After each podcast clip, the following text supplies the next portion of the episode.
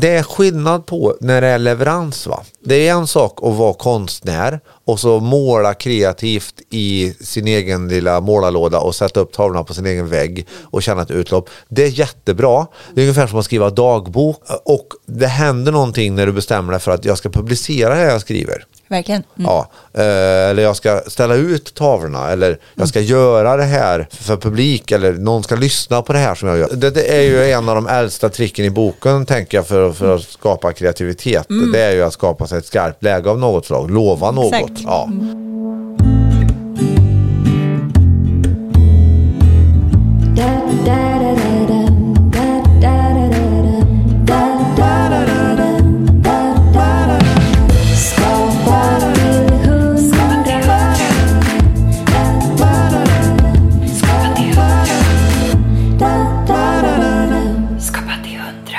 Idag träffar vi en av världens bästa föreläsare, Claes Hallberg.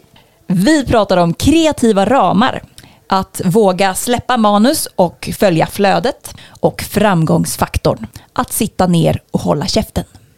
Du lyssnar på Skapa till 100, podden som handlar om det kreativa livet. Jag heter Marika Borgström. Och jag heter Maja Sönnerbo. Nu kör vi! Skapa till 100. Skapa till 100.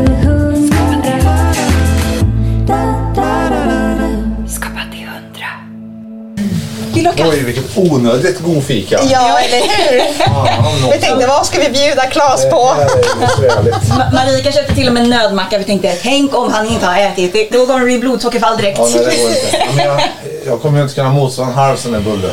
Åh herregud vad god. Bra kalmarbulle. Oj, oj, oj. Den var ruskigt god. Mm. Det är ju bröd och salt. Jag ser det i lång väg. Jag är mycket svag för kvalitetsbullar och har mycket lätt att avstå okvalitetsbullar. Ja, Precis. om man ändå ska äta en och det kostar då kan den ju lika bra vara riktigt god. kalorier, ska de vara så här goda. Ja. Men vad kul att du kunde komma hit. Ja, visst, det var ju Ja, skojigt. visst. Vi kanske ska sparka igång det, Ja, det kör- hela kör bara. direkt. Ja. Drive it. Claes Hallberg är en kreatör som verkligen gått sin egen väg. Han hoppade av ekonomistudierna för att istället resa runt i USA och träffa hjärnforskare och pedagoger och ta reda på hur människan egentligen fungerar. Idag är han utnämnd till en av de nio bästa föreläsarna i världen. Han har skrivit en rad böcker och har i nästan 25 år rest landet runt för att inspirera människor och företag. Vill du också hångla mer, jobba smartare, se kunden och göra bättre val i livet? Då ska du lyssna noga på Claes Hallberg. Varmt välkommen till Skapa till 100! Tack så hjärtligt. Hur känns det att vara här? Är jättebra. Ja. Det är ju perfekt varmt och skönt och god bulle. Om du ska ta tempen på ditt kreativa läge just nu, vad skulle du säga att du ligger på en skala 0 till 100? Oj, 0 till 100. Ah, men jag tycker väl eh, någonstans på 8, 850, jag säger 85. 85, ja. 85. Ja, men det är ju ändå högt. Ja, det tycker jag. Jag känner mig kreativ. Vad är det som gör att det känns kreativt just nu? Det, det, det på något vis är ju ett grundtillstånd. Ja, för dig? Ja, så tycker jag det. Det är klart att det är lite så här kosläpp just nu efter pandemisk eh, föreläsarhedonism. Just det.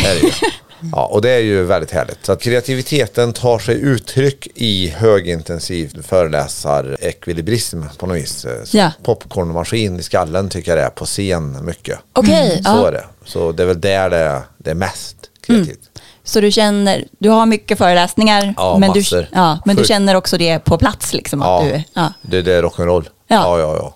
Så Det är Härligt. fruktansvärt roligt. De som inte haft förmånen att se dig som föreläsare, jag såg dig för, alltså jag, jag försökte tänka på när det var, det måste ha varit någonstans mellan 2005 och 2010. Okej, ja. Eh, Så länge sedan. Och jag kommer ju fortfarande ihåg det. Och jag kommer ihåg att det tog nog säkert 30 minuter innan du började prata som man uppfattade liksom. Ja, så är det. Eh, Så du har ju en, en väldigt specifik eh, stil på Ja, scenen. jag har, en väldigt, jag har en väldigt egen stil kan man säga. Ja. Och eh, den, den, det bygger ju väldigt mycket på att våga vara kreativ. eh, om man tar kreativitet så tillvida att folk uppskattar ju alltid spontanitet i teorin men de tycker det är lite obehagligt när det väl händer. Alltså, så är det ju både i privatlivet och i arbetslivet för de flesta. Va? Och när jag ställer mig på scen så är det ju en eruption ofta av eh, popcorn. Särskilt första halvtimmen men sen håller det ju på. Och det är nog för att jag behöver försätta mig i ett sånt sinnestillstånd för att jag ska uppleva själv och upplevas som att det är på riktigt, som att det händer. Så inte det är en show. Just det, Man att du blir inte. närvarande. Ja, Liksom, med, Alltså det blir lite som uppvärmning hos publiken på något sätt. Och dig, Och gemensamt. Ja. I i mitt fall är det väl så här, eftersom jag har hållit på så otroligt länge, 25 år med att stå på scen, så behöver jag liksom ställa till det för mig för att eh, tagga till ordentligt och, just det. och bli krispig. Eh, då är det så att ju säkrare jag blir på mitt innehåll, ju mer behöver jag Utmanare. jag måste utmana mig till det. Jag måste uppleva själv att nu är det slak lina. Det är skarpt läge och slak lina samtidigt. Det är, så är det 100 pers säger vi som tittar och jag har precis sagt så här. Och så kan man inte säga, hur ska jag ta mig ur det här? Det, det, det är liksom dörren in till verklig upplevelse. Och, och det, är den, det är ju ingen mellanchef som har hyrt in mig någonsin egentligen för att den nerven ska uppstå. Så- så- Alltså att de är medvetna om det.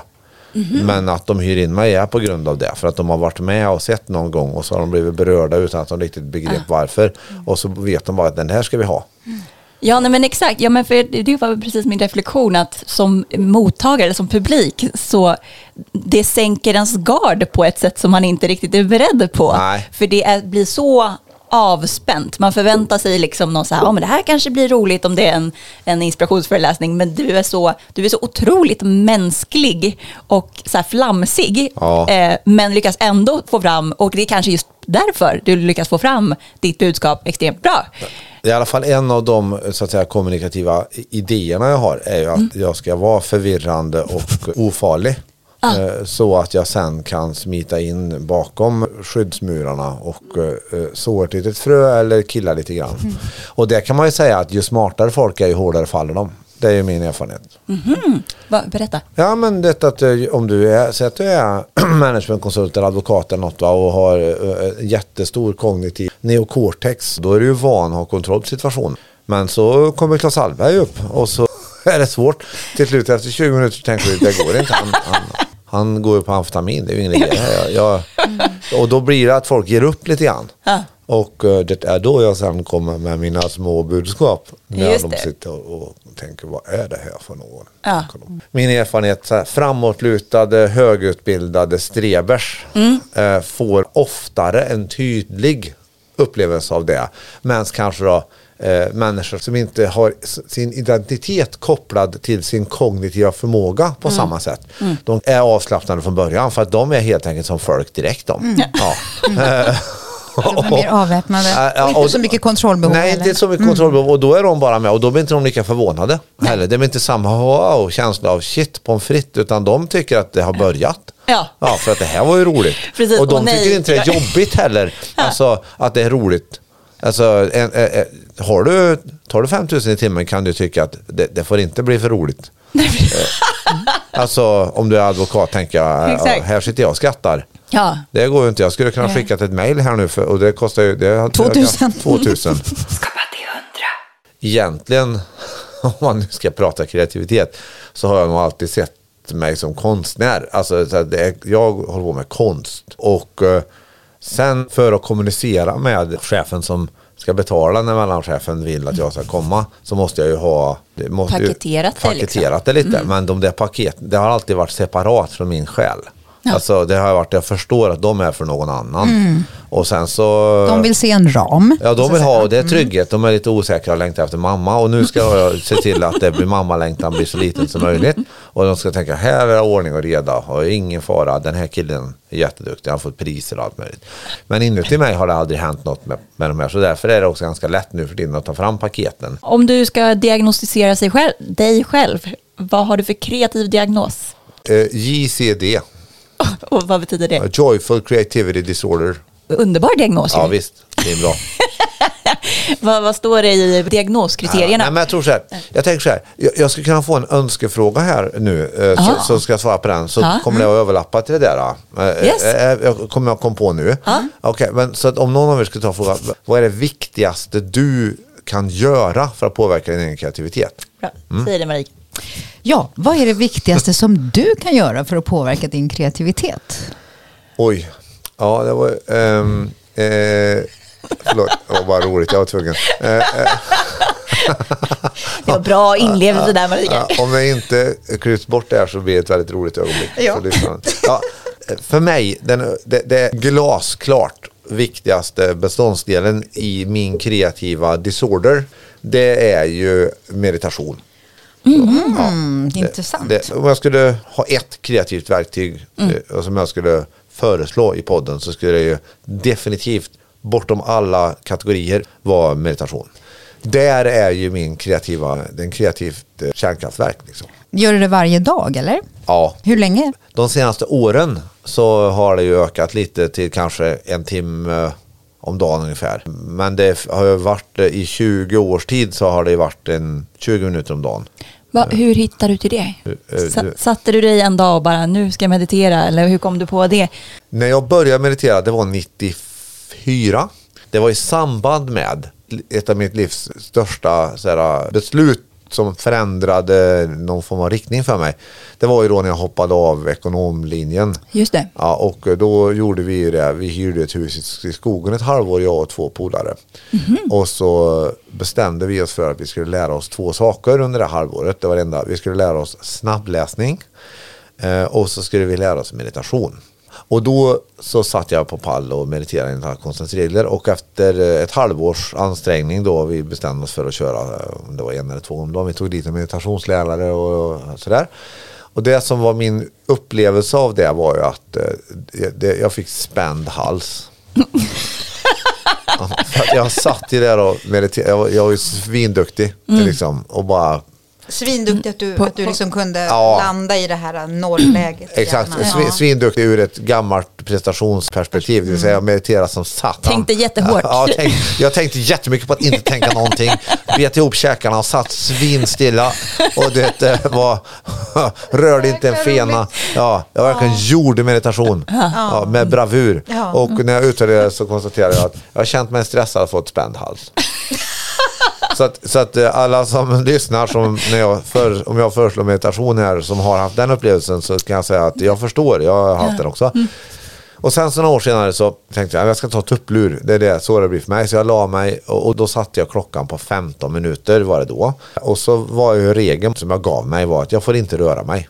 För, det, för mig blev det så som jag tror det är inte är helt ovanligt när folk börjar med någon form av meditativ eh, praktik att man blir svinstressad av att man tänker så otroligt många tankar. Va? Så att jag eh, satte den 15 minuter bestämmer för att ja, då hade jag den här gamla tumregeln att eh, 30 dagar tar det att förändra ett, en vana. Så att jag, jag, jag satte 50 dagar då för att vara på säkra sidan.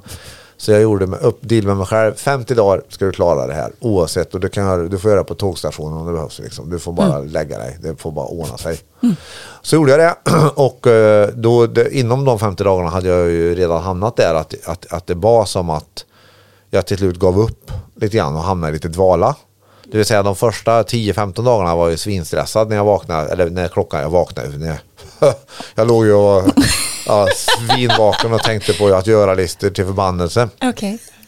Men sen så blev det där, den vanan den kickade in i alla fall. Så att tupplur blev en vana. Och sen så eh, några år senare så stötte jag ihop med en lärare, meditationslärare som förstod att jag egentligen mediterade för jag sov ju aldrig. Och som hjälpte mig att styra upp det där lite. Och det blev eh, en väldig utväxling på mig då när vi ökade till 20 minuter. Och så började vi väva in att sitta på kudde också. Och, I eh, början låg du ner. Ja. Mm, för man får väl egentligen inte somna? Nej, man får inte somna. Nej. Men jag gjorde ju aldrig det. Nej, okej. Det var ju det.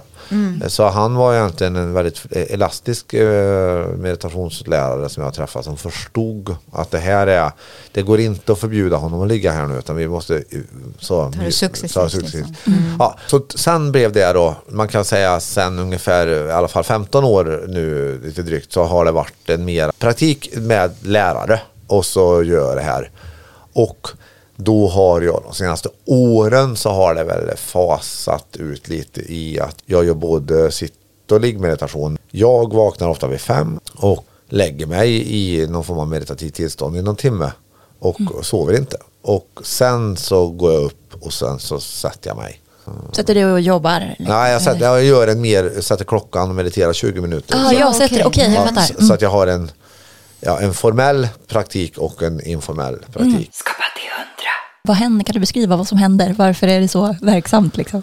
Oj, oj. Jag har ju faktiskt, det kan man googla på, jag har lagt ut, jag, i min förr, förra bok så beskrev jag eh, en metod.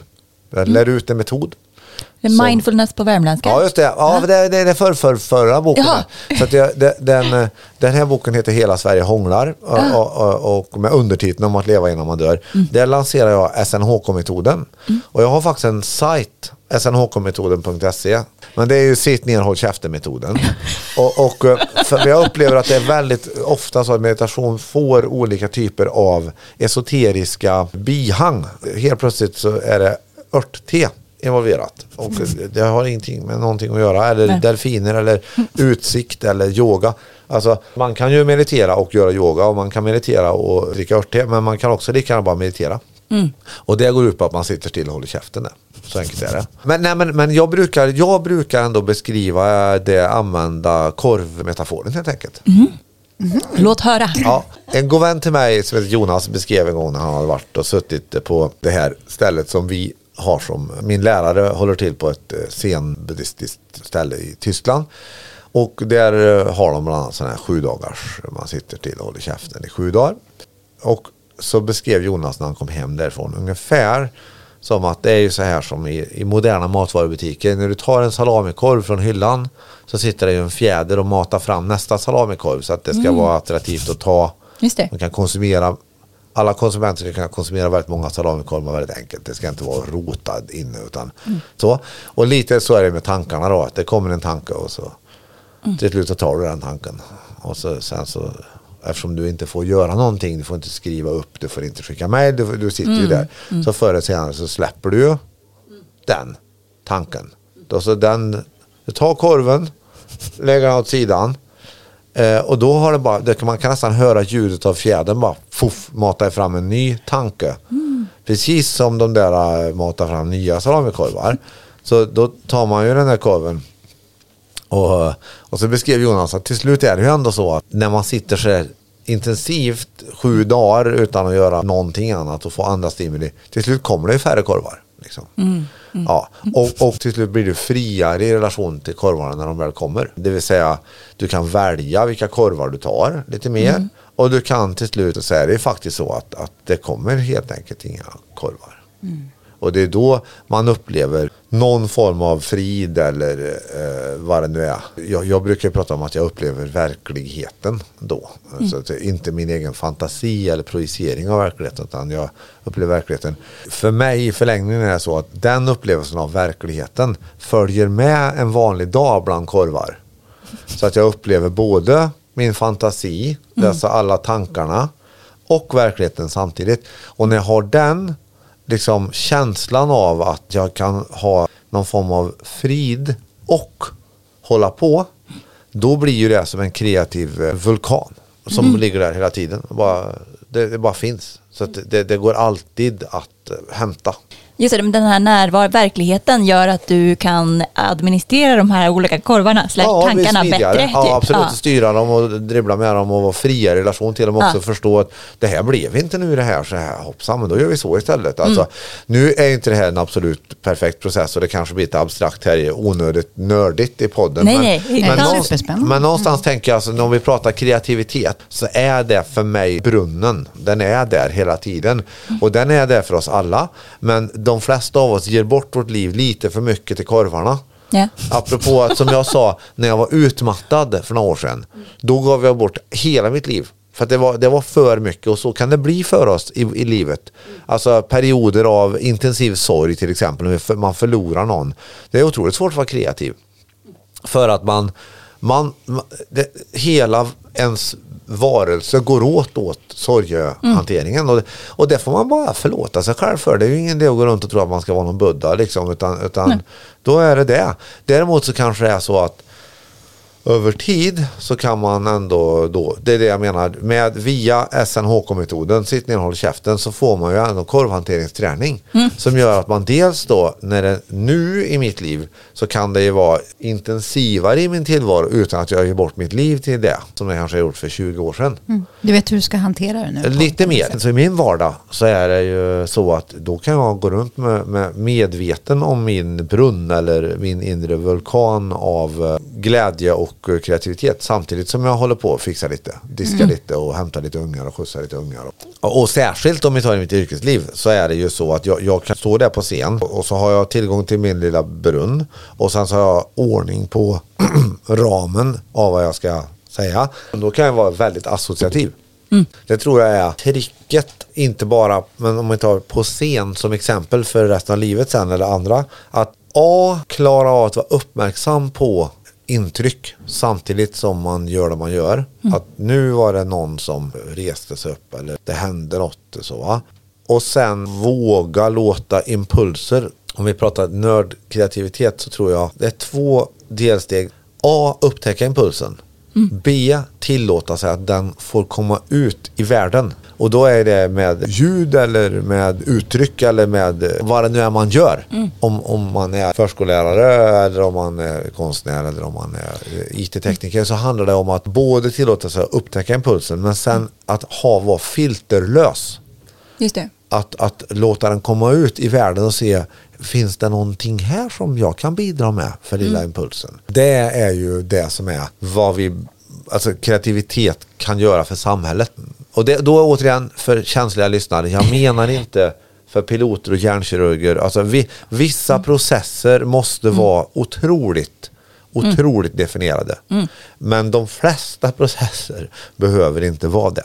Hej! Joel här. Förutom att vara poddkompis i den här podden så driver jag även ljudbyrån Lejonbröder. Vi hjälper dig gärna med att producera ljudreklam till radio och podd. Dessutom sitter vi i Lejonbröders poddstudio just nu. Så funderar du eller ditt företag också på att starta en podd? Så hjälper vi till att både spela in, producera, klippa och skapa ett jingelpaket bestående av exklusiv musik. Eller så hjälper vi ditt företag att ta fram en bra radiospot. Vi har producerat nästan 4000 stycken. Här har du några av dem. Drick Coca-Cola. Panta. Drick fan. Arla livsänder kosläpp. Är du på byggmax.se. 100 kronor till Röda Korsets förra. SF Anytime är tjänsten för dig. Då ska du handla hos Tradera. Spotify. Musik och poddar på samma ställe. Ja, det här var ju stora företag, men självklart har vi gjort enormt mycket reklam även för små och medelstora företag också. Och du, vi kan även göra ett gratis demoförslag på Radiospot. Hör av dig på joel.lejonbroder.se. Nu fortsätter Skapa till 100. Skapa till hundra. Var du samma person som barn? Jag tror nog att du Studsade du upp på scenen och där var show och på skolavslutning och så här? Om du frågar mina föräldrar så tror jag definitivt inte de skulle kalla mig för late bloomer på det. Nej. Utan very early bloomer. Eh, ja, nej, men jag lärde mig ju att tala eh, framför folk på eh, högstadiet och gymnasiet genom att jag var, jag var, lyssna noga, ordningsman alla tre åren på gymnasiet. Wow. Mr Ordnung är det här. Ja, de valde mig eh, år ut och år in i min klass. Du får vara en termin till. Jag bara var ordningsman. Men hur kom det sig då? Ja, det var ju för att det var ordning, fattar ni väl? Eh, nej, jag vet inte. Det var förmodligen för att det aldrig kunde bli ordning. Men jag vet inte. Det innebar i alla fall att jag fick, ju, eh, jag fick läsa upp eh, det här. Det kom, varje vecka fick man, var det någonting från skolan och från elevrådet som skulle läsas upp för klassen. Och då gjorde jag det. I princip en gång i veckan, 40 veckor om året i tre år. Det blir ju lite träning. Så du skaffade lite scenvana helt Ja, enkelt? definitivt. Men var du, var du liksom en spexare redan då? eller? Jag har aldrig spexat, eh, Nej. varit med i spex och så. Nej. Utan eh, jag har alltid jobbat med eh, eget content. Va? Eget E- content. egen... Eget innehåll va? Mm. Ja men precis, men när man, tänker, när man känner så här ordningsman, Content. då är det väl så här, okej paragraf nummer ett här i klassen. Ja men då var jag väl vad du kallar för spexare, absolut. Jag, Ja. jag, jag, jag, var ju ganska spexig. Jag översatte förmodligen till exempel vad det betydde. Typ, det innebär att om du gör det här så kommer rektorn att jaga dig med blåsbälg. Liksom. Precis, och eh, klassen tyckte att det var roligt Det var, tyckte de antagligen. ju förmodligen att det var. Ja. Eftersom jag fick ju vara här hela tiden. Men, ja, men man blir lite också förvånad då att du hamnade ändå på ekonomlinjen. Vad, vad, vad hände där? Ja, nej, men, ja, men, ja, men, nej, men, ja, men, alltså, det var ju en bred utbildning. Va? Det, det, ekonomlinjen är en typiskt bred utbildning för folk som inte vet vad de vill bli. Just det. Så, eh, Jag tänkte att universitetsmiljön är nog bra. Men det gick inte riktigt enligt plan. Nej, det gjorde jag inte. Det, man kan säga så här. Jag eh, körde två år eh, och sen så blev jag då kårordförande på universitetet. eh, Vilket innebär att man jobbar heltid. Just det, då pausar man sina studier. Ja, och pausar blir- man ja. sina studier och så har man lön. Fast en motsvar- ganska låg lön då. alltså otroligt låg lön. Men det var ju lite så här också. Fick man ju vara lite låtsasviktig ett tag. Där sitta i högskolestyrelsen sitter man ju ett år då och så här va. Och under det här året så hände några saker. Det ena var att eh, som kårordförande så skulle jag ju också rannsaka lite vad jag gjorde. Hur högskolan var det då? Är det bra verksamheten? Så här, va? Och jag kom fram till att den pedagogiska metoden för, på ekonomlinjen då i Karlstad, det var i alla fall, det var ju en gammal klassisk eh, förmedlingspedagogik, årsmodell 1880 eller något va. Ja. Det sitter 200-300 studenter, det kommer in en otroligt långsam farbror och pratar otroligt långsamt om otroligt tråkiga saker Ja. och skriver på en, en svart tavla. Jag kände lite grann att det här är föråldrat alltihop. Så jag var inte nöjd med det och så var jag också kårordförande och sen så var det så att eh, vi drog, jag var med då och hjälpte två grabbar som drog igång något som heter Drivhuset. Som var en stiftelse för att främja entreprenörskap på universiteten. För att eh, 1993 då, då betydde ju fortfarande ordet entreprenör någon som äger en grävmaskin. Eh, Man Aha, hyr in en intressant. entreprenör. Ja, alltså just det. Absolut, ja. Ja. Och eh, då ville vi vara, då ville Drivhuset vara med och, och, och så att säga flytta det begreppet till vad det nu är idag. Det har ju verkligen gått bra kan man säga. Den, för nu är Verkligen. ju en entreprenör något annat. Och då var det väl så här att vi hade affärsidémiddagar. En gång i månaden så fick man presentera en affärsidé för varandra. Vi var tre pers och så lagade vi mat och hade man fick en pitch. En A4-sida skulle det vara och så pitchade man den. Och så. Och någonstans föddes det en idé om att göra något kreativt då, utifrån egen. Och så var det så att jag tyckte ju att eh, studierna passade inte mig riktigt. Jag tyckte Det var liksom slöseri med mitt tid tyckte jag. Mm. Man kan säga med, med mitt nuvarande språkbruk skulle man kan säga att högskolan då lyckades inte göra sig relevant för mig. Nej. Sen hände väl en annan grej som var att, att då en av de här två, han fick du då eh, på värmländska diarré. Eh, nej, rändreta menar jag, heter det på värmländska. Och eh, han var hemma. Och så sjätte dagen det, kände- kom det inget mer helt enkelt. Så han gick till universitetet och jobbade. Och då hade ju han haft blödande magsår i, i då sex dagar och suttit och tömt sig på blod. Så hade ett blod, blodvärde på 45. Och det vill säga han hade tappat två tredjedelar av allt blod i princip. eh, Hade han då tömt i toan ut. Och, och han överlevde allting bra. Lyssnaren behöver inte vara orolig. Och då ringde det, den egentligen enda gången i mitt liv när det, eh, någon annans upplevelse har skapat ett verkligt lärande hos mig. Alltså en sån, för att normalt sett vill man ju ha sin egen halva ansiktsförlamning innan man börjar fundera på Mm, så om man kanske ska ändra vara. Ja. Ja. Eh, Man nöjer sig inte med andras. Nej. Men den här gången så, så var det som att alarmklockan som ringde mest av allt när han låg på eh, intensiven, det var hur kan han sitta i sex dagar och tömma sig på blod utan att det går någon form av signal inuti? Som att, hallå, nu är det nog något lurt. Nu är det nog inte bara, det är nog inte diarré. Nej. Och då kom ju det nästa obehagliga var ju hur vet jag att jag inte just nu håller på att dö? Och det vet man ju aldrig på ett plan. Men man kan fast skaffa sig någon form av rimlig förutsättning att ha en aning om det. Till exempel genom att inte rusa omkring som en tokdåre utan sätta sig ner på arslet ibland. Ja. Så sitt ner och håll käften-metoden, den, har ju en, den har ju existentiellt förankrad i mig som en nödvändighet. Att, eh, för, för, för att eh, öka sannolikheten att jag ska kunna ha en kompass som innebär att jag kan undvika de riktigt dåliga besluten i alla fall. Även om den inte blir en kompass som gör att jag kan pricka de perfekta besluten så tror jag väldigt ofta för oss i livet så mår vi rätt bra om vi bara undviker att göra de riktigt dåliga sakerna. Om vi bara har det okej så är det faktiskt rätt bra om man tänker efter. Skapa till hundra. Då blev det så att vi, Eh, summan av de här grejerna, att när han kom tillbaka från sjukhuset och och åt, det blev bra liksom och allting gick bra och så. va. Men året efter så tänkte vi måste, vi måste, för vi var ju lite påläggskalvar. Jag satt ändå i högskolestyrelsen och eh, det, eh, jag tänkte så här, mellanchef blir nog bra. Eriksson, Region Väst på middag, Claes Hallberg heter jag. Ja, då tänkte vi att vi måste skjuta ut, så, för vi såg att de som är, är några år äldre än oss och har tagit examen jobbar ju lika mycket som vi gjorde. Och bara att de har kanske tre gånger så hög lön. Men eh, vad hade Christer för nytta av det när han låg på intensiven? Ingen nytta av det. Va? Så det var då det här beslutet att hyra ett hus i skogen kom upp. Att vi måste Ja. på något vis ta paus ut ur systemet. Vi måste få helikopterperspektiv. Vi måste ta, göra bara något annat. Mm. Och det här är ju det enskilt mest provocerande beslut jag har fattat i mitt liv för, an, för andra. Ja, det förstår jag verkligen. Ja, alltså att, att Vilken vi, styrka att göra ja, det. det var ju, ja, det, men det var, kom, styr, den styrkan kom ju från mm, hela han händelseförloppet. höll Ja. faktiskt på att dö. Liksom. Alltså, så att det var så de får säga vad de vill. Ja. Men vi drar. Ja. Och ni var tre i det tänker jag. Ja, det var Alltså, tre det. ja. Ja. Då så blev det ju ett sånt ny fas. Då. Det var där intresset för inlärning då. Vi, vi läste böcker om inlärning då. Det Mm. var lämpligt nog en, den en bok som heter Inlärningsrevolutionen som precis har lanserats i Sverige då.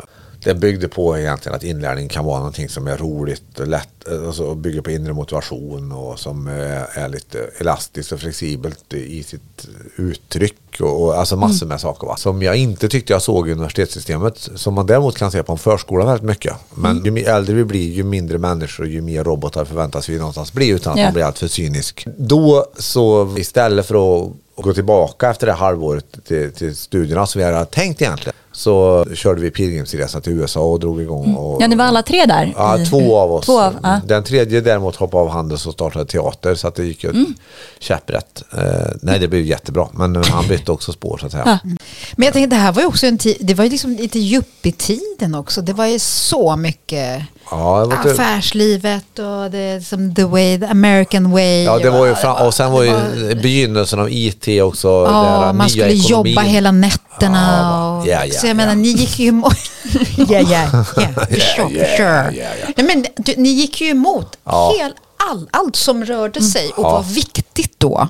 Alltså, Så är det. i, utifrån massa olika så här uppsatta ramar och sådär. Det kan man eh, säga. Trender. Vi gick lite grann på kors med, eh, på, till strids mot det. Och så kom ni till USA. Och hur gjorde ni upp den planen? Här? Ja, det, är också, man ska, det var ju intressant då för att eh, vi hade ju tagit ut allt vi ägde. Eh, Christer sålde sin lägenhet och jag sålde min bil. Och det var ett så här commitment ändå på det här. Så vi drog iväg och hade pengar för tre månader. Först skulle vi gå en kurs, det handlade om hjärn, det var någon pedagog som hade hjärnforskningskurs för pedagoger. Då.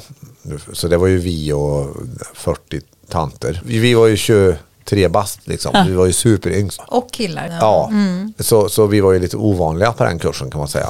Det var väl en och annan man också, men generellt sett behöver inte män utvecklas för att de är rätt så fullkomliga. Då blir de föds perfekta. Ja, men lite så va. Så att, eh, det, det var ju mycket kvinnor helt enkelt på Ja. de kurserna som så på så många andra kurser. Men då gjorde vi till exempel så att vi efter den kursen som var sex dagar, eh, sista dagen så gjorde vi härmade vi läraren lite. En Väldigt eh, tydligt maner, väldigt mycket sånt där, ställa alltid frågor, have you ever, eh, så va. Så vi sa, ställde oss upp och sa, har ni någonsin varit nyfikna på en ny kultur? Eller kanske velat lära känna en ny kultursmat eller rent av fått eh, så här, lusten att få gräsmattan klippt av någon. Ja, vi kan komma hem till er och fixa det helt gratis om ni vill, allt det här. Så vi så att säga bjöd in oss till folk eh, genom att göra reklam för oss själva. Så vi fick 30 av de 45 deltagarna erbjöd oss att komma Va? och bo hos dem. Wow. Eh, ja, och va- va- varav den mest ivriga, hon bodde ju i Washington någonstans med sin man och vi var ju då i Kalifornien. Och hon sa, ni kan komma till oss, vi är jättestort hus eh, och barnen har flyttat hemifrån så det är bara att komma liksom.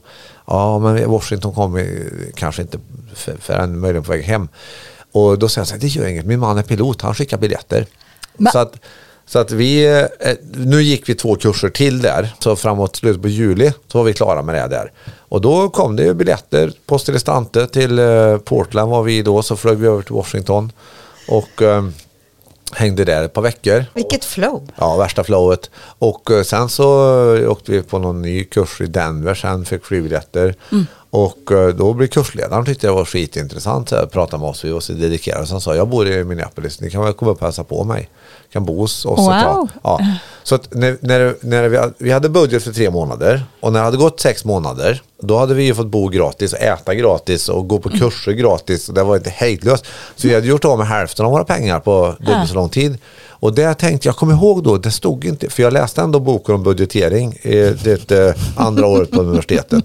Det stod aldrig det då där. Så det började bli så här lite, ah, vad- det är inte alltid som det borde ha varit liksom. Så, så där höll vi på ett år kan man säga, elva, elva månader och det var ju en pilgrimsresa. Och sen kom vi hem Och eh, då, då, var, då var ju målbilden att bli, då ville vi föreläsa om inlärning. Så att det var så det började alltihopa. så allting började. Ja, så jag föreläste om inlärning och då sa alla, ingen, varför skulle någon lyssna på er? Eh, Lärare, eh, världens mest skeptiska människor. Och vi bara, ja, mm, men om vi tänker så här, vi börjar med att de är människor, börjar där. Eh, Då visade det sig att lärare tyckte att, att vi kom 25 år gamla och sa, vi vet inte, men vi har varit i USA och upptäckt det här. Och då sa de så här och så här och så här, det kanske kan vara sant. Då tyckte lärarna att det var förtjusande trevligt, för de var ju vana lite potenta eh, eh, så här, professorer som talade om hur det ligger till. Och nu fick de ett val Mm. att ta ställning till. Vilket gjorde att de, och vi, så att, att inte ta sig själv på så fruktansvärt stort allvar är ju fantastiskt, Mm. tycker jag fortfarande. Mhm. Alltså att, att, och att hela tiden umgås med tanken på att om jag har fått för mig något så kan någon ha fått för sig något annat. Till exempel mig då, Mm. SNHK-metoden. Jag har superbevis på att det har varit kanonbra för mig. Ja. Och jag kan också bara um, kan vila i att det kanske inte passar alla hela tiden. Mm. Det räcker. Ja, framförallt är det ju ett förhållningssätt som blir den här, så här smitvägen som vi pratade om tidigare. Att det blir så himla mycket enklare att ta det till sig om inte någon är så här, pekar med hela handen. Ja. Och så, här är det. Man bara, oh, oh. Och där när jag började föreläsa i mitten på 90-talet då blev det en jättekontrast. Ja. Lite grann. Just det, Eh, mot vad alla mot andra vad de gjorde. hade, vad de flesta som var ute och, och körde i alla fall. Mm. Så, så det blev väldigt positivt då. Eh, Så vi fick en, ett antal föreläsningar jag gjorde och, och jag ringde också då mitt livs, min, jag ringde tio säljsamtal där mitten på 90-talet. Ja. Sen, sen har jag inte behövt ringa så många mer säljsamtal. Är det sant? Ja, det är jätteskönt. Men, men eh, Vad sa du då? För att folk eh, rekommenderar dig? Ja, det eller? blir ju Ah. så eh, till Ah, slut. Va? wow. Men man måste skapa skarpa lägen eh, tills, de, tills de uppstår av sig själv och då måste man Ja. tacka ja till dem. Det, Ja. That is the truth. Men jag funderar Marika på Ja. om vi ska ta en liten tombola. Det gör vi. Tombola! Yes. Yes! Oh, oh, oh, oh. Alltså det här är det mesta pepp vi har fått Ja, för tombolan. oh, ah, oh, oh. Tjackalacklack, boom! Nu har jag också fått den nya vignetten för tombolan. Ja, den har vi. Ta den en gång till. Oh, oh, oh, oh, oh, oh. Tombola! Fantastiskt. Perfekt. Vad gör du generellt när saker går sönder? 50-50 ska jag säga om jag slänger dem eller försöker laga dem. Ja. All right, lite vad- beroende på hur Ja, det jobbigt beror är. ju på Ja. lite grann. Så här, om jag lagar dem så är det när det går att laga med typ tejp. Hur gör du när barnen inte gör som du vill? Jag varierar min strategi med varierad framgång. Precis, du har inget eh, ultimat knep som alltid funkar.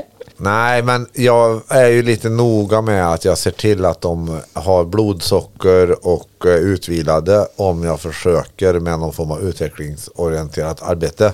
Just det. Ja. Smart tips. Men det funkar ändå inte alltid. Men eh, jag är noga med att utvecklingsorienterat arbete ska ske när det finns gynnsamma förutsättningar för det. Mycket bra.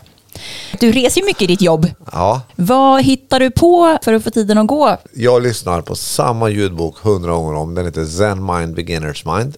Oj, Och eh, då sitter jag och dreglar. Eh, så är det. Va- för att den är så bra eller för att det är liksom någon slags meditativ Både och. grej? Ja. Man lyssnar många lager, läser och jag blir meditativ. Och sen så kollar jag också en del på värdelös actionfilm. Jag blir yr i huvudet när jag åker SJs så kallade snabbtåg. Så de har varit väldigt bra för mig för jag kan inte arbeta på, på dem. Utan jag, jag måste göra något annat. Oftast är det ju att dregla. Alltså, jag sitter bara och dreglar lite. Och det gör jag även utan ljudbok. Jag, jag, jag gillar att ha tyst i lurarna. Så, uh, uh, oftast sitter jag helt enkelt och dreglar. Annars sitter jag och dreglar och lyssnar på eh, Suzuki. Och eh, är det liksom vissa enstaka lägen så kollar jag på film. Det är de tre. Hälften av allt innehåll som jag tar fram, både till böcker och till föreläsningar, det uppstår på scen. Det vill säga, det blir bara automatiskt. Hoppsan, nu sa jag så här. Jaha, det funkar ju. Då kan jag säga så här också. Och då öppnar ju det den här frågeställningen. Och, då, och det där händer ofta i en eh, övrigt eh, då, man har ett, ett innehåll jag är trygg med och så får jag en association. Då uppstår nytt material. Så att när jag pratar med, jag umgås en del med David Batra till exempel som, som ju är komiker. Han pratar jättemycket om hur han sitter och skriver skämt jämt. Och så skriver, jag har i princip aldrig skrivit ett skämt i hela mitt liv utan det har fått uppstå så det går väldigt enkelt. Men däremot när det handlar om ändå att jag har fått en idé om att det här vill jag kommunicera nu. Då går jag ju runt i, då, då, då ver, verkar jag ju fram det under allt från några månader till några års tid. Och då går det fortfarande till på det där med att jag försöker, alltså, antingen skriver, alltså som bok, eller skriver manus för föreläsning. Och då är det samma omständiga grej.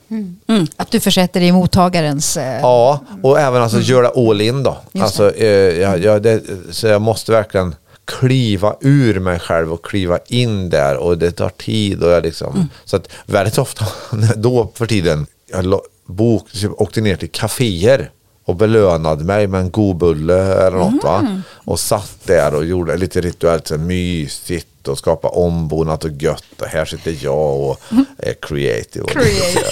Och, och eh, för att det var så fruktansvärt ansträngande. Ja. Funkade det då? Helt Ja, klart har det ju funkat väldigt bra. Ja, det har det. Bullar byggde den här fantastiska föreläsaren ja, helt absolut. enkelt. Så är det. Men du eh, har ju precis börjat, vad jag förstår, föreläsa med en ny, en ny show. Ja, Att leva innan man dör. just det. Jag tänkte vi ska liksom nörda lite kring hur den föddes. Ja, absolut. Vill du berätta om föreläsningen? Det var ju så här att när vaccinet kom till Sverige, då var jag en av de här puckorna som tänkte när alla vaccineras under sommaren, då kommer samhället öppna till hösten. Du var inte ensam om att tro det. Nej, det var väl kanske någon mer som gick på den.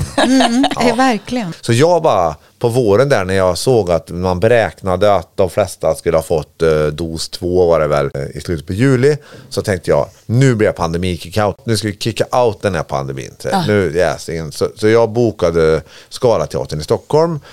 Och så skrev jag då ett så här, bara, nu blir det nytt och gammalt material i en salig blandning och det går ut på att vi ska garva, vi ska känna livslust och vi ska träffas. Vi kickar ut pandemin. Då uppstod ju på riktigt den här insikten, shit, nu måste jag ju säga något.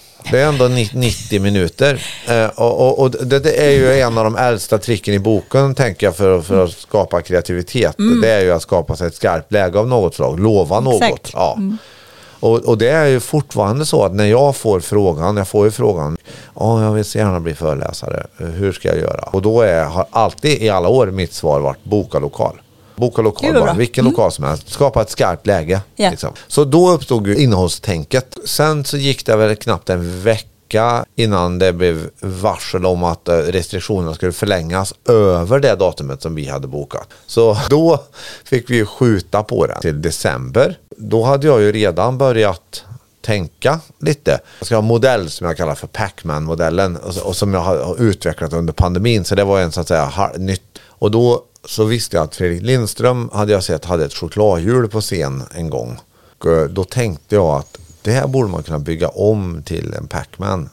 Så jag mässade Fredrik och frågade om han hade det kvar, om jag kunde få hyra eller låna. Och han bara, ja absolut, inga problem, det finns där och där, bara hämta.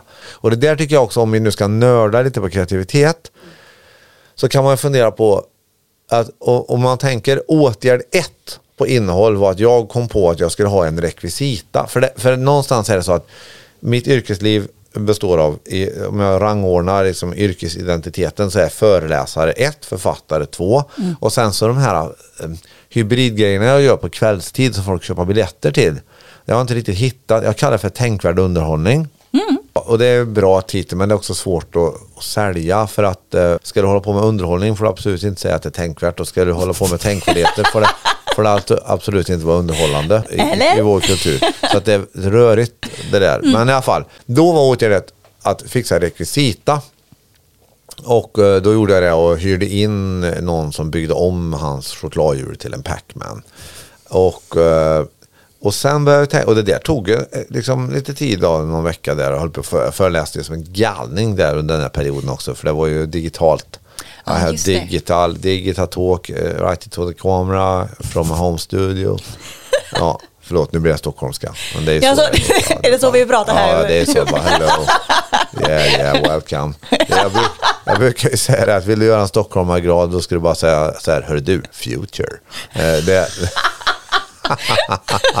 det funkar varje gång. Ni ser, det blir jätteglada här kan ni direkt. Future. Förlåt, det är rörigt allting. Nu börjar det bli sådär för de Ja, smarta det människor som lyssnar bara tänker Vi- ta bort honom, ta bort Men vet honom. du vad? Det här är, vi gör faktiskt också tänkvärd underhållning i Skapa Ja. till 100 så det passar perfekt. Ja, vad bra. Härligt. Ja. Varifrån kom den här, jag ska ha Fredrik Lindströms chokladhjul till. Mm. Det är ju, tycker jag, om man ska prata kreativitet, så är det ju kreativitetens förtjusning. Mm. När blommor slår ut inuti ens hjärna. Ja, ja, bara här är en blomma.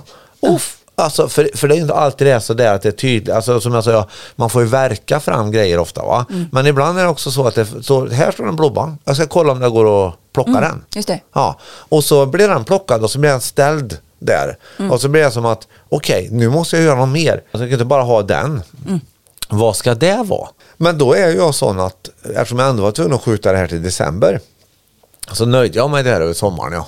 Tänkte jag koppla ut av lite på det här. Och sen så började det uppstå grejer under hösten där som jag skulle kunna ha med. Sen så var det så att 14 december skulle det här vara. Och den 13 december så stängde ju Norge gränsen för att 60 personer blev förkylda på ett julbord. Och, och, och redan det där var ju, vet du, om ni kommer ihåg, det var ju omikron. Just det.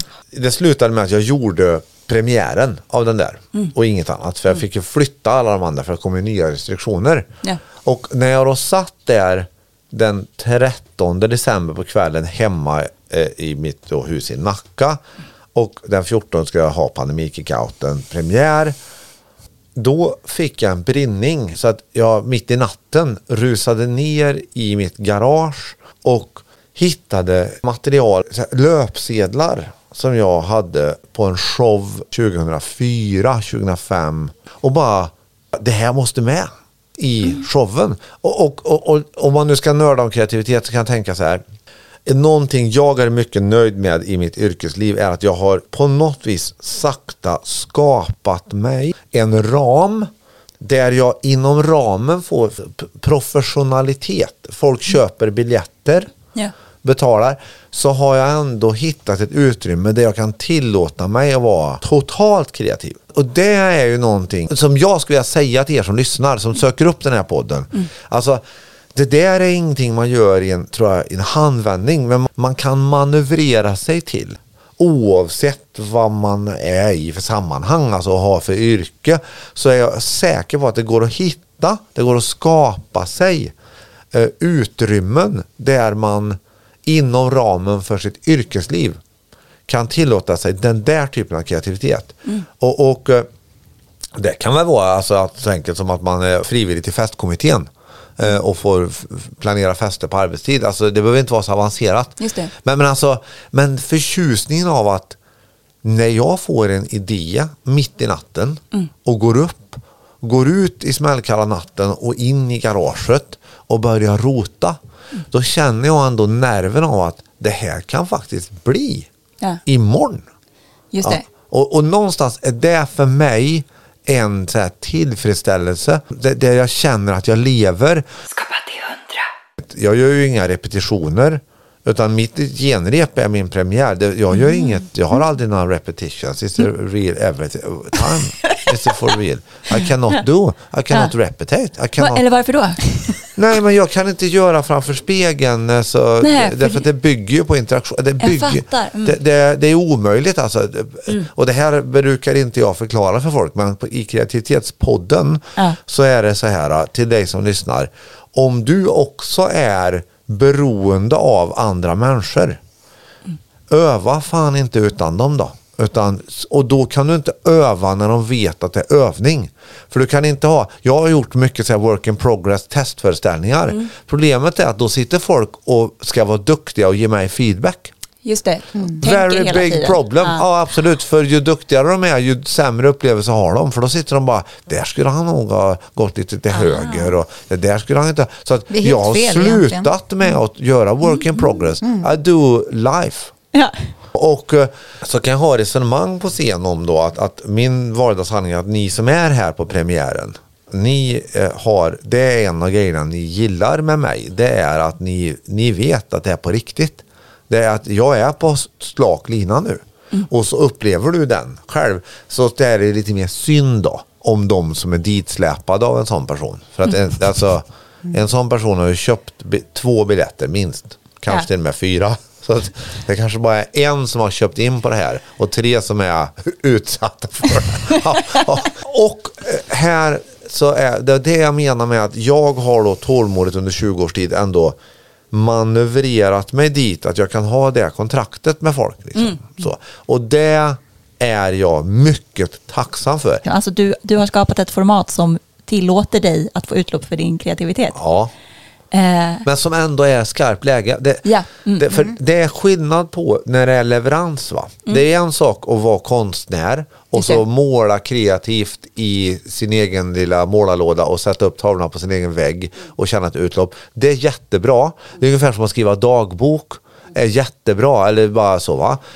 Och det händer någonting när du bestämmer dig för att jag ska publicera det jag skriver. verkligen. Mm. Ja, eh, eller jag ska ställa ut tavlorna eller jag ska göra det här för publik eller någon ska lyssna på det här som jag gör. Alltså det, det är en dimension där. Mm, mm, verkligen. Skapa till hundra. Sen när jag blir inhyrd av en, eh, ett, en organisation Eh, då är det ju inte så. Då är det ett annat kontrakt. Då är det jag sätter mig in i er verksamhet. Jag använder min kreativitet i relation till det och jag lovar ett särskilt resultat. De kanske har ett önskemål vad de... Ja, ja, ja. Och, och då fattar jag att jag är till för min kund. Det är tvärtom. Då är det mer kreativitet i relation till en tydlig ram. Det är också väldigt tillfredsställande tycker jag. För att Ja. om man bara har blank papper hela tiden, då är det risk att det blir urvattnat och att man blir, då blir man abstrakt konstnär till slut och skulpterar en våg. Och jag, det, det, är inte, det, det är inte min grej.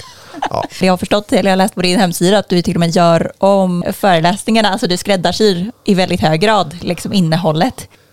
För mig är det så mycket lättare att skapa värde om Mm. jag på något vis har lyckats kroka i det som är organisationens verklighet. Ja. Och det där tänker jag är så intressant för det har jag gjort till en konstform i sig. Det Mm. vill säga, jag tycker det är svinkul att hitta det här, här är kroken. Liksom, Mm. Här är det den här organisationen är och det här kan jag knyta ihop. Så att ofta är det kanske så att jag har en viss metafor som jag använder. Om vi tar i kundens skor.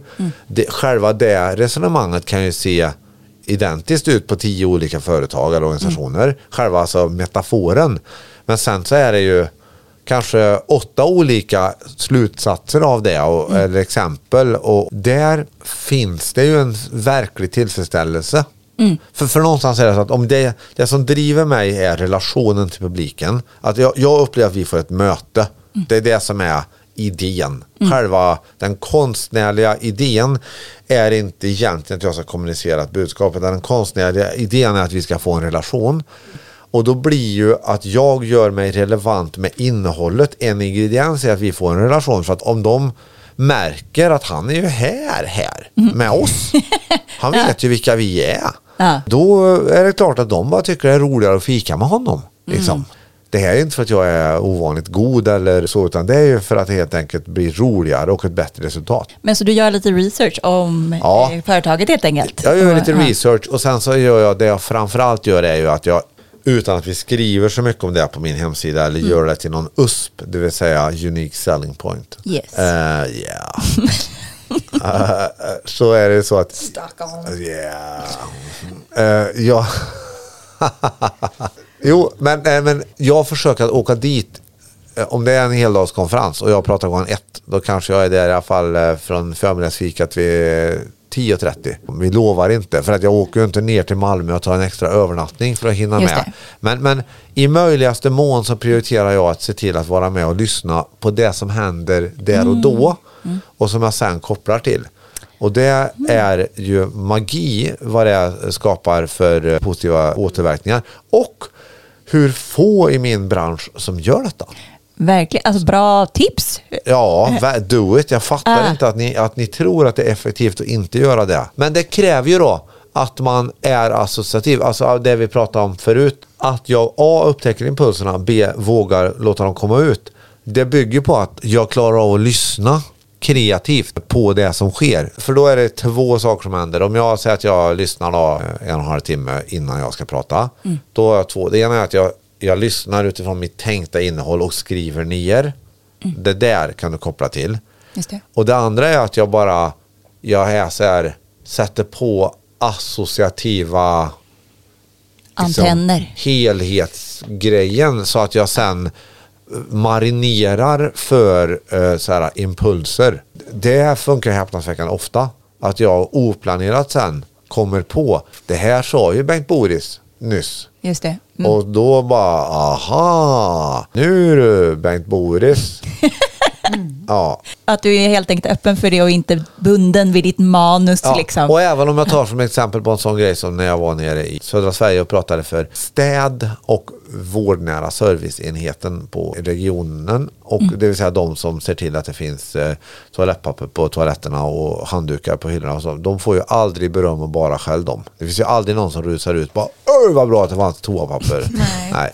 Så att det, de fi- fick ju en hel, de, det var ju beställningen en kram. Så de fick en kram i en och en halv timme. Och då var det i alla fall så att då var det någon av de högsta cheferna på regionen där som sa hej lite så här. Och han hade någon titel som jag liksom inte fick med. Men jag förstod ändå att det var lite så här. Eh, ma- och han var också väldigt bejakande. Han skrattade tidigt och visade det. När jag pratade alltså. Så han, han, var, han var en god förebild som högchef. Och då innebär det att den geggamojan, de intrycken jag hade, gjorde att jag då när jag skulle säga, eh, när jag påpekade det här tyckte han var roligt, då kallade jag honom för översten. Och, och det i sig blir ju jätteroligt. Men det var också en lösning på att jag inte kom ihåg vad han hade för titel. Och att jag kände att han skulle klara av det. Och att det ändå blir lite roligt. i det där, För de känner ändå att det där är en överste. Liksom. Alltså han, han är high, high rank, manly stripes. Och, och, och då tänker jag, den där att våga låta det komma ut är inte oviktig här i The Creativity Pod. I think it's, a, it's one of the most important aspects of creativity is to allow impulses to come out into the world. That's, a, that's, it's- that's the truth. Släpp ut det bara. På tal om din sitt ner och håll käften-metod. Jag lyssnade på en bok av dig i helgen som känns lite eh, ändå relaterad. Som heter YCD Bralai. Ja, just det. Väldigt bra titel får man Ja. säga.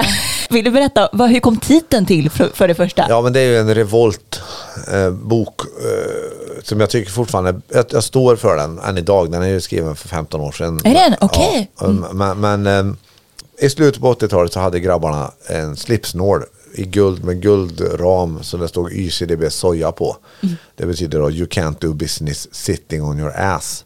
Och jag kommer att jag hakade upp mig på det då redan och många sådana här lite manliga streberuttryck som att eh, man måste kavla upp ärmarna. Ska man få någonting gjort får man göra det själv. There's no such thing as a free lunch. Det är så här. eh, Och, och då, då är hela den boken en revolt mot den idén Eh, det vill säga det betyder you can't do business running around like an idiot. Be- För jag tror det, det, det har funnits och finns fortfarande en oerhörd tendens att man visar sitt värde genom att ha en inbokad kalender. Ja. Och det, det, nej, jag tror inte på det. Utan vi ska skapa värde. Och det här gäller även i våra privatliv. Det, jag tycker fortfarande vi är där att Ja, verkligen. Det känns ju hur relevant som helst, i, även om den är skriven för Den är 15, 15 år sedan. ja, men, vi, det- ja, men det är fortfarande så att man har en Ja. tendens att bygga en veranda till. Istället för att sitta på den existerande verandan. Ja. Det pågår ju massa verandabyggen hela tiden. Det är verandabyggen hela tiden. Ja, och köksrenoveringar och allt vad det kan vara. Va? Mm. Det är kanske är bättre att sitta och dricka kaffe Mm. och njuta. Men vi klarar inte det. Va? Det är faktiskt ett väldigt roligt poddögonblick i mitt liv. Det var när jag var med då i Framgångspodden och Alexander Pärleros lite högtidligt så här sa så här, Claes, kan du, kan du definiera verklig framgång? För då sa jag så här, verklig framgång, det är för mig, det är att kunna sitta på en stol utan att få panik. Och, och, och någonstans, vi är fortfarande där va. Alltså oavsett SNHK-metoden eller inte och hur man tar sig dit så är det så att att kunna sitta på sin existerande veranda och gilla sitt liv. De man har på verandan, inte drömma om andra. Smartare barn, vackrare partner. Eller det eh, som komma ska. Den midsommaren eller den julen. Eller nästa veranda. Utan alltså att kunna sitta på, och det, för det, någonstans är det så att det blir ju råttan på repet annars. Att det spelar ingen roll hur fin veranda du har, hur stolen är och hur dyrt kaffe du har i muggen heller. Utan förr eller senare hamnar du där att du måste kunna sitta där du sitter och gilla det. Och där tror jag personligen att den här tendensen att distrahera sig med poddar och TikTok och alltså även om eh, kreativitetspodden naturligtvis är en fantastiskt bra grej så tror jag att man ska fundera på med vilken intention lyssnar jag på detta när man lyssnar. Och där det också är okej att lyssna på min särbo lyssnar på Naturmorgon ibland för att somna om. Det är fine. Fast jag tror att det är också en riskabel strategi. Om jag behöver så att säga om vi tar korv, om att tankarna kommer och, så, och så är min en, den enda strategin jag har att mota korvarna, det är att mota dem med andra korvar. Som tränger ut de korvarna. Det vill säga, istället för att umgås med de korvarna som finns, som Ja. till exempel är jag för tjock, eh, känner jag mig ensam, eh, vill jag egentligen ha sex. Så, jobbiga korvar. Ja. Då kan det vara så här, jag lyssnar på någonting här nu, jag kollar på eh, någon program. Alltså, Mm. Det kan man göra, men jag tror att det är lite viktigt att, att man någonstans övar på att inte använda Ja, men jag känner igen det jätteväl. Ja, för, för, för det, det, det, så länge den funkar funkar den, men när den inte funkar längre då blir det svinjobbigt. Ja, man ska vara vaksam på den. Jag tror det. Det är också Ja. risk att man helt plötsligt sitter och bajsar blod då. Ja, det har vi pratat om med, med många här i podden, att just här att, nej, men att våga ha, stänga av, att våga ha det tyst liksom, så att man kan bearbeta det som redan ligger där och skramlar. Liksom. Och det är därför som jag sa förut att för mig det överlägset tydligaste resursen för att bidra till kreativitet Ja. Mm. är meditation. Och sen meditationen sitter på kudde med korslagda ben och meditationen innebär eh, att man eh, för all del tar promenader utan podd. Så är jag övertygad om att det är att sitta still är en dimension som du inte får när du gör meditativt arbete i trädgården. Just det. Men, men alltså all form av kognitivt stimulerande intryck, att, att, att minska dem på något vis regelbundet. För att komma åt sin kreativitet är jag helt säker på att det är mycket viktigt. Sen kan man också tillföra naturligtvis böcker och poddar och jag läser naturligtvis böcker och, och, och lyssnar på grejer och det är naturligtvis jätteviktigt. Jag lärde mig en, en annan sak i din bok kopplad till kreativitet. När professor Per var inne och kommenterade i din text som Ja. han gjorde då och då.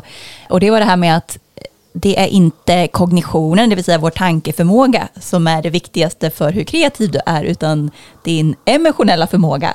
Det vill säga att motivera, eller sätta dig själv i rätt tillstånd. Liksom. Just det. Eh, och jag tänker det kanske också hör, hör samman med... Det hör liksom, definitivt samman Ja. med det. Smartness will not take you all the way. As we say here in Stockholm.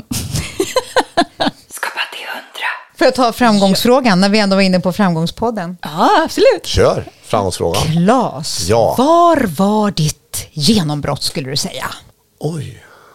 Mitt, äh, men, mitt genombrott var ju 96 när jag hyrde en teaterlokal i bibliotekshuset i Karlstad och jag skapade skarpt läge helt enkelt. Eh, Precis samma strategi som jag fortfarande och här använder med nya showen. Så jag bokade den och så skrev jag att jag skulle göra en föreställning om livet. Och eh, då annonserade jag i Karlstad och så sa jag att det är då klockan 19, tre timmar. Och så bjöd jag på äppelkaka eh, som jag fick hjälp av en tjej som heter Karin att baka. Eh, och så fick folk betala när de gick därifrån, vad de tyckte det var värt. Mhm. Och det kom folk, och, fast du, du inte var liksom etablerad. Ja. För, ja. Eh, 200 pers liksom. ja, men det är väl svinbra om man inte är... Men framförallt var det ju, tänker jag, eh, lite ovanligt apropå att jag hade ju inte heller då repeterat någonting utan jag, jag, jag körde ju one night only. Wow. Och uh, sett i backspegeln så är det klart att det är ju obegripligt hur jag kunde välja att göra så. Alltså, Ja, otroligt modigt. Ja, eller, eller, eller bara dumt. men men, men det, det gjorde ju att jag tvingades eh, formulera mig och det gjorde att eh, folk, eh, bara, jag fick några jobb.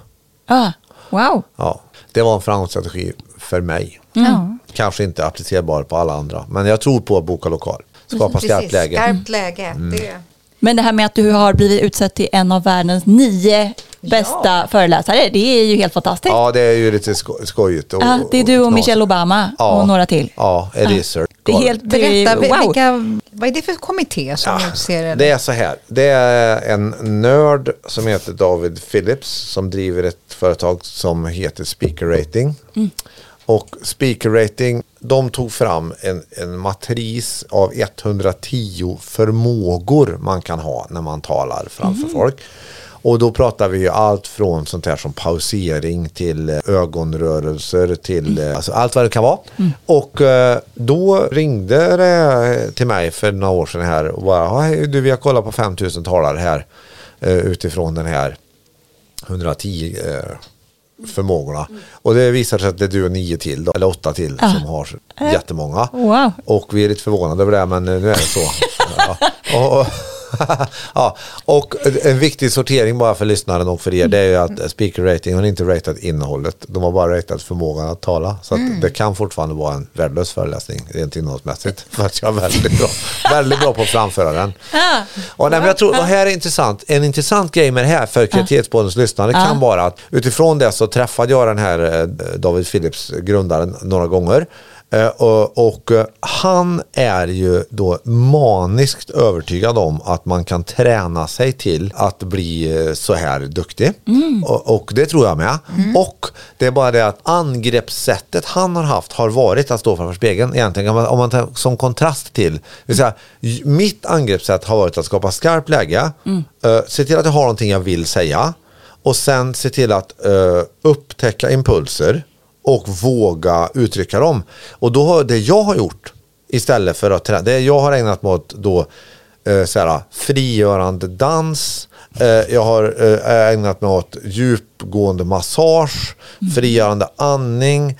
Jag har liksom under de här första tio åren så har jag bara frisatt och sen eh, eh, satt igång och sen litat på. Det har varit den, den strategin. Ja. Inte tränat, skapat processer och eh, för- följt Ja, upp inget. Utan jag har, jag har bara gått på Let what can be loosened up be loosened up and allow it into the world.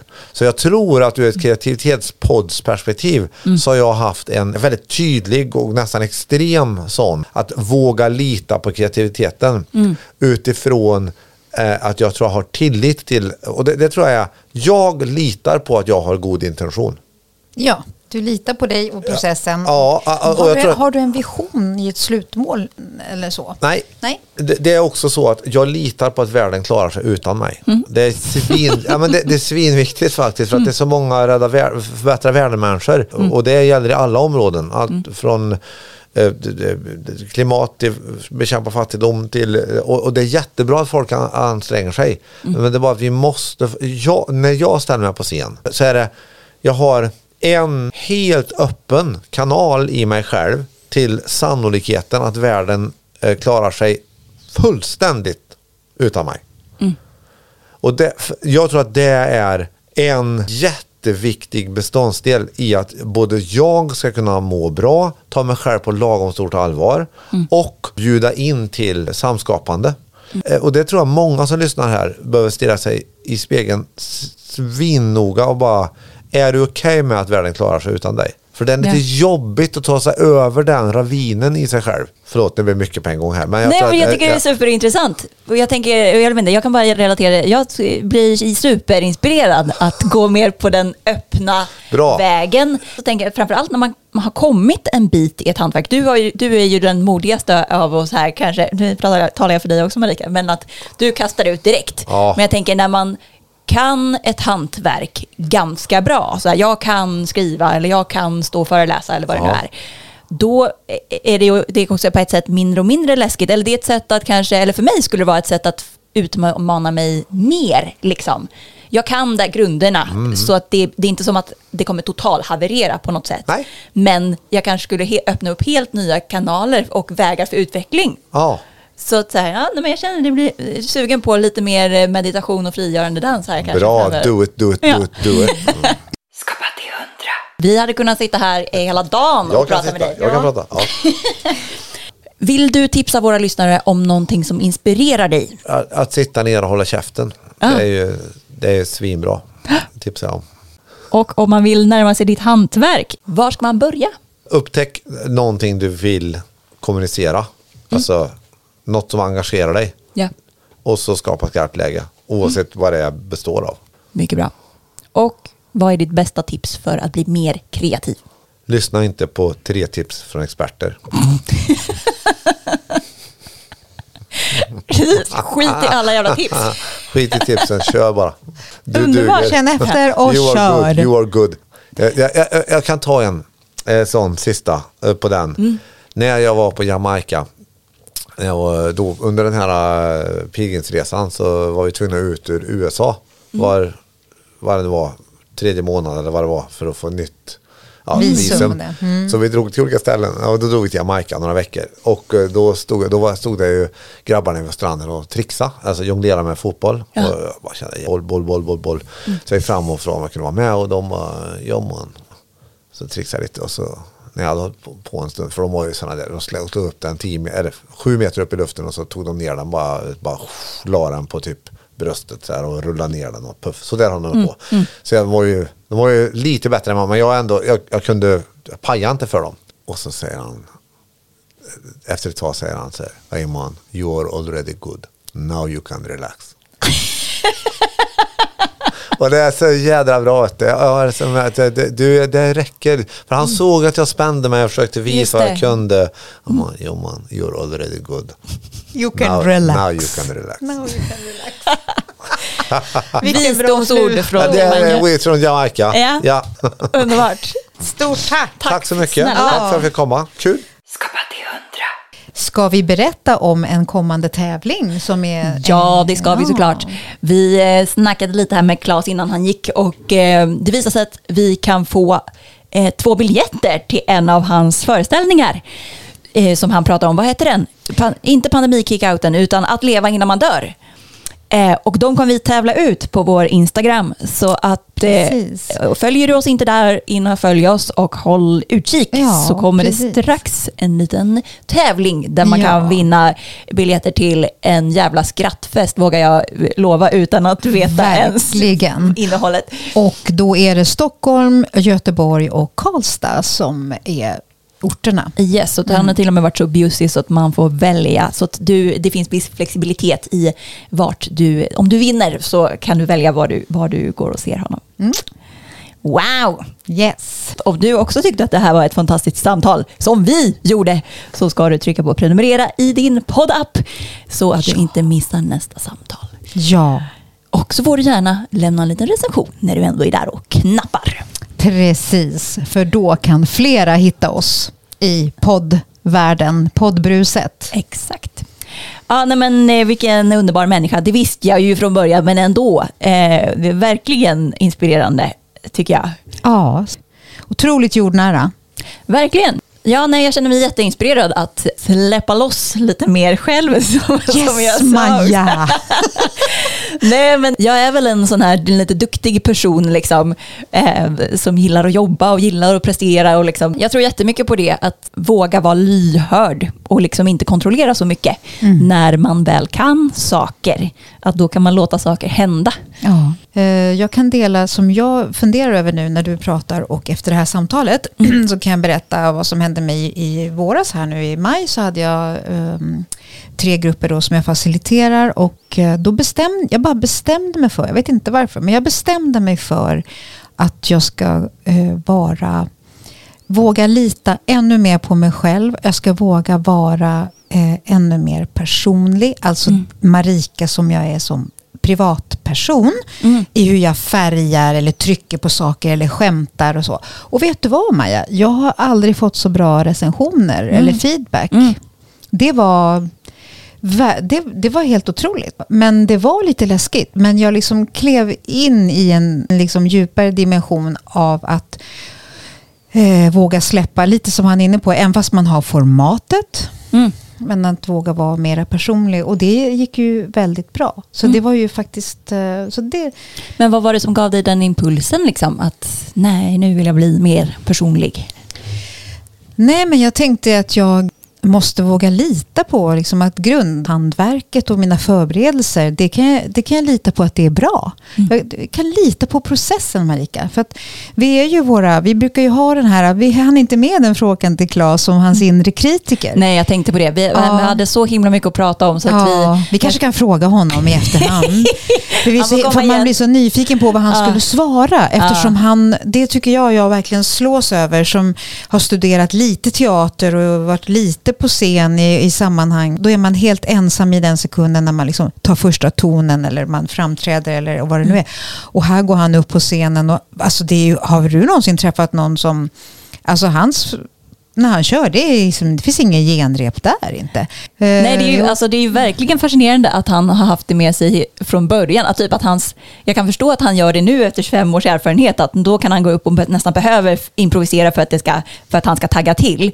Men att göra det så här, sin allra första för, föreläsning, när man aldrig har föreläst förut, man har bokat en lokal liksom, i city, i Karlstad antar jag att det var, och liksom så här, shit nu är det 200 pers här som kommer. Och att våga gå upp där utan att ha repat, alltså det, jag, jag har som svårt att relatera till det nästan, för att jag skulle aldrig göra det. Jag skulle ha repat så jävla noga. Ja. Nej, han är verkligen unik på det sättet. För om Mm. du tänker på när vi pratade med Benke Rydman sist så var det ju så här och det som jag har lärt mig så här det är repa, repa, repa. Sen när du kan allting, när du liksom har det lagret, Mm. när det sitter så kommer ju nästa lager av liksom den här spontana energin och liksom våga Ja. vara fri och bli personlig och våga lita på. Ja. Och så man färgar det man ska presentera Mm. på ett personligt sätt så att man inte står där och läser av ett manus. Men han går ju rakt in i liksom, eh, leveransen, rakt upp och ner, väldigt naket. Eh, det är ju ascoolt alltså. Ja, men jag, tänker, alltså, jag tycker också att det är lärorikt att vi träffar så många olika personer i podden för att det känns som att det här är ju hans sätt. Eh, det kanske inte passar alla, det skulle inte passa mig till exempel att göra exakt, men man kan ju inspireras av det och göra det till Absolut. sitt. Liksom, för att, ja, men hans verkligen superkraft är ju, och det känns ju som att han har haft den, ja, men ända från skolan som han berättade, att han är rolig. När han bara pratar spontant så är han jävligt rolig och trivs, prick, pricksäker och underhållande. Och det är ju det på något sätt som han har odlat och lyckats Ja. på ett jävligt smart sätt paketera det också så att mellancheferna vågar köpa in det. Ja. Nej, så det är otroligt imponerande. Så vad tar du med dig Maja? Ja, nej, men alltså meditera är en sak som jag har tänkt på hur länge som helst. Ehm, och det är väl sånt som tyvärr ofta prioriteras bort. Jag skulle vilja, alltså om det är någon Eh, som känner någon som lyssnar på det här som har tips om en bra så här, meditationslärare eller meditationskurs så alltså, hör jättegärna av er till mig eller till oss. För jag har verkligen så här, försökt själv och jag tycker att det funkar så här Ja, det funkar några dagar, man så här har en ambition och sen så typ lite rinner det ut i sanden för man tycker inte att man hinner. Så jag skulle känna att jag skulle behöva lite så här till en början lite tydligare ramar. Att nu övar jag på det här, nu går jag på en kurs här i en viss period. Eller alltså typ för att lite så här köra, Ja. köra igång och få lite... Mm. Ja, men jag, på, jag, jag tar också med mig det som största utmaning. Fy fasiken vad svårt det är att bara det här som han sa. Största utmaningen och största segern för människan. Att sitta ner på en stol och att det är tyst. Alltså jag känner mig så träffad där. också med liksom att man har tankar som kommer från ett håll och sen så bedövar man dem med eh, ljud eller intryck från ett annat håll. Och jag har liksom koll på den fundera på den. Men jag kan märka att jag kan liksom bara dra på vissa poddar eller ljudböcker bara för att jag inte ska hålla på och ligga där och tänka. Mm. Ja, men jag har lite samma beteende och det Ah. blir lätt destruktivt. Ja. Eh, och det är verkligen en balansgång. Så här, ja, men jag tror vi är lite lika där. Att jag älskar ljud och jag älskar poddar och jag älskar alltså, ljudböcker. Eh, och kanske det är mitt favoritmedie för att man är så fri i när man lyssnar. Att man kan både ligga och somna eller liksom vila eller man kan göra saker, städa, åka till jobbet, vad man nu, alltså så. Så det är ju så, man har det med sig så lätt. Eh, och, och många program är jag glad, och böcker till exempel är jag glad att jag har lyssnat på eller så. Men det är också som att man får, jag får vara jävligt vaksam på när det trillar över. Alltså, lyssnar jag nu för att jag vill lyssna, för att jag är väldigt intresserad. Den intentionen, det var ju det han pratade om. Mm. Eller är det bara någon slags brus för, som jag har? För att jag vill- Brusreducering. Ja, nej, men exakt, för jag vill bedöva något annat. Och jag märker, det är också så här en tydligt tecken för mig när jag börjar må så här lite mentalt sämre i perioder. Då märker jag jätte, att då fastnar jag lätt i så här, lyssna bara jättemycket för att man liksom inte orkar tänka. Liksom. Och det är ju så jävla dåligt för att man kommer ju Ja. liksom aldrig vidare från det här må dåligt, det här Nej. skavet som man egentligen kanske behöver tänka på och bearbeta eller känna ut. typ. Precis. Att då är ju det bara kvar som någon slags nedtryckt depression som jag har lärt mig av Andreas Rodenkirchen. Inte att jag blir deprimerad nu för tiden, men att depression betyder ju trycka ner. Det var så här, ah, en liten tankeöppnare för mig. att och han menar att vi blir deprimerade när vi trycker undan saker, alltså när vi inte släpper ut känslorna. Att man kan ju bli, drabbas av sorg eller man kan bli jättearg av saker men vi blir deprimerade om vi inte släpper ut det. Det är inget farligt att bli ledsen eller bli arg men det är ju liksom det här med att man trycker bort och det är väl lite det man gör i, min, i mindre skala i alla fall. Även om det inte är så att jag har drabbats av en kris. Ja. Så det är ändå så om man inte vågar känna och titta på vad är det som rör sig i ens huvud så Precis. blir det inte så bra till slut. Liksom. Och det pratar ju Claes om i sin första bok där. Hångla mer. Hångla mer, ja, Ja, den hann vi inte prata om heller. Nej, Ett då- boktips till dig som lyssnar. Precis, för där pratar jag just om att vi måste öppna upp för alla känslor som vi känner. Ja, Fulkänslor, snyggkänslor, bra-känslor, skuldkänslor. ja. Ja du Maja, det finns mycket att jobba på som människa. ja, men det känns ju roligt också. Ja, absolut. Och, nej, men jag hoppas att alla lyssnare har, eh, känner samma energi efter att ha lyssnat på det här som vi gör i detta nu. Mm, verkligen. Sitt ner och håll käften. Jajamensan. Precis, så nu när du har lyssnat klart så är utmaningen att stänga av. Exakt. Och låta det vara tyst. Precis, bara tyst. Skapa. Skapa